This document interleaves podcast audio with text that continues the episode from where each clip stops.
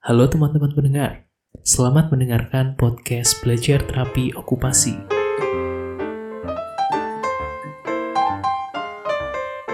Halo teman-teman pendengar, kalian lagi mendengarkan podcast Belajar Terapi Okupasi dan sekarang kita udah di episode ketiga ya.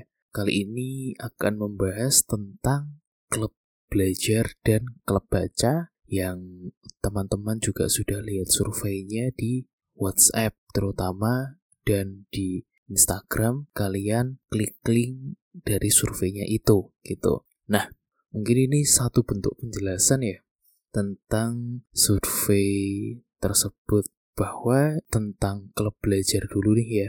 Klub belajar itu sengaja diinisiasi gitu ya, ingin diwujudkan untuk untuk memfasilitasi sebagai wadah belajar dari mahasiswa terapi okupasi yang fokusnya nanti adalah ke pendalaman keilmuan dan keterampilan terapi okupasi, maksudnya yang berkaitan dengan kuliah, lalu ilmu-ilmu OT, kemudian pengembangan diri juga, dan karakter mahasiswa. Jadi kita nggak melulu berfokus belajar tentang terapi okupasi saja, tapi juga sesekali atau juga mungkin sering-sering lah untuk membahas yang di luar terapi okupasi gitu. Misalkan kepemudaan atau pengembangan diri dan lain sebagainya.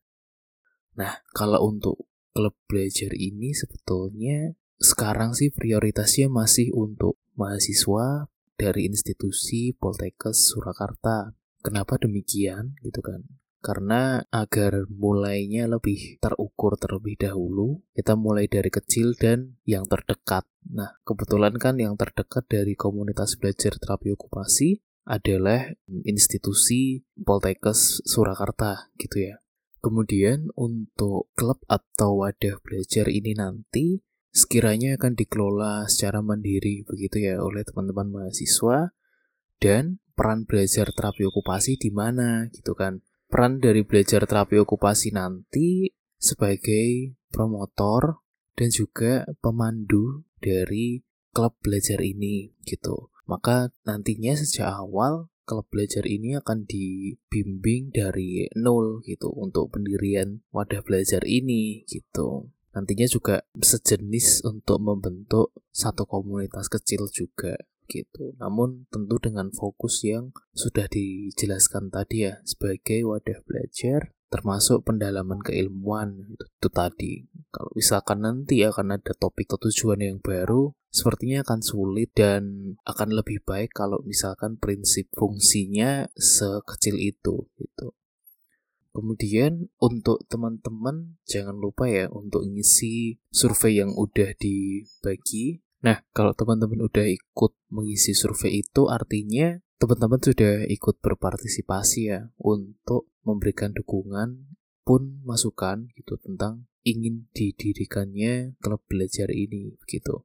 Nah, teman-teman gak harus menyetujui dari survei ini, yang penting ikut mengisi saja begitu. Karena kami juga terbuka kalau misalkan teman-teman gak setuju pun kalau teman-teman malah setuju kemudian memberikan masukan ataupun sebaliknya tidak setuju dan memberikan masukan, kami juga sangat terbuka dengan itu. Karena bisa menjadi masukan dan catatan juga bila nantinya kalau ternyata memang disetujui oleh teman-teman mahasiswa dan teman-teman yang ingin bergabung sebagai pengurus nantinya bisa jadi poin untuk dikembangkan masukan-masukan yang masuk tadi begitu. Dan kalau misalkan teman-teman juga berminat untuk menjadi pengurus, sangat terbuka juga karena pun kalau surveinya mengatakan banyak didukung, akan tetapi pengurusnya tidak ada, maka akan sama saja gitu hanya menjadi ide yang disetujui aja, belum sampai bisa diwujudkan. Nah, kita bahas yang kedua ya, yaitu klub baca. Kalau untuk klub membaca ini sebetulnya juga satu wadah yang baru begitu ya. Namun nantinya untuk lingkupnya akan lebih luas lagi. Kemudian kita bahas dulu tentang tujuannya. Kalau klub baca ini ingin menjadi komunitas dan ruang membaca, belajar, dan berbagi bacaan bersama dalam beragam format begitu ya. Dalam beragam format di sini maksudnya berhubungan sama konteks yang berbagi bacaan begitu ya. Berbagi bacaan ini nanti bisa dibentuk satu forum meeting atau dalam bentuk konten atau dalam bentuk video, audio dan lain sebagainya.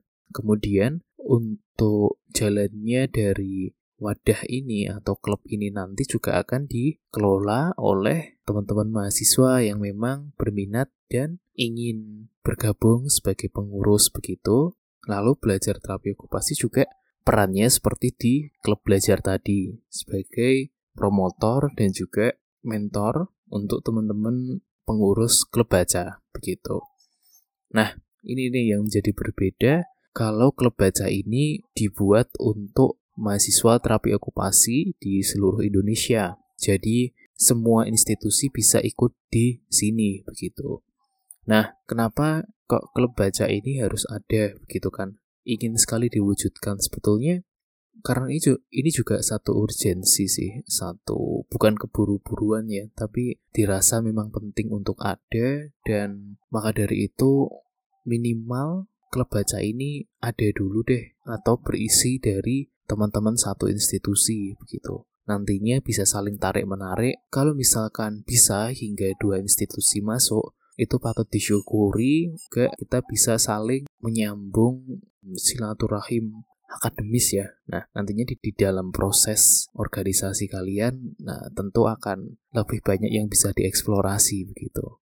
Kemudian jangan lupa sekali lagi untuk mengisi survei yang sudah dibagikan karena itu juga penting untuk apakah ini akan diinisiasi dan diwujudkan atau memang belum waktunya untuk diwujudkan gitu. Dan juga jangan lupa untuk yuk sama-sama kita jadi pengurus di dalamnya karena kalau misalkan idenya sudah disetujui dan didukung tapi nggak ada pengurusnya Sekali lagi, wadah ini juga tidak akan berdiri dan diwujudkan. Kiranya ini ya penjelasan tentang klub baca dan klub belajar. Semoga bisa menjadi manfaat dan bisa diterima dampaknya oleh teman-teman mahasiswa, termasuk teman-teman yang sedang mendengar podcast ini. Sekian, kita ketemu di episode berikutnya. Kami juga dari Belajar Terapi Okupasi ingin membuka open recruitment dan Semoga teman-teman juga tertarik untuk ikut bergabung di Belajar Terapi Okupasi.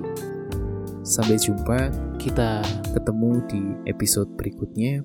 Bye-bye.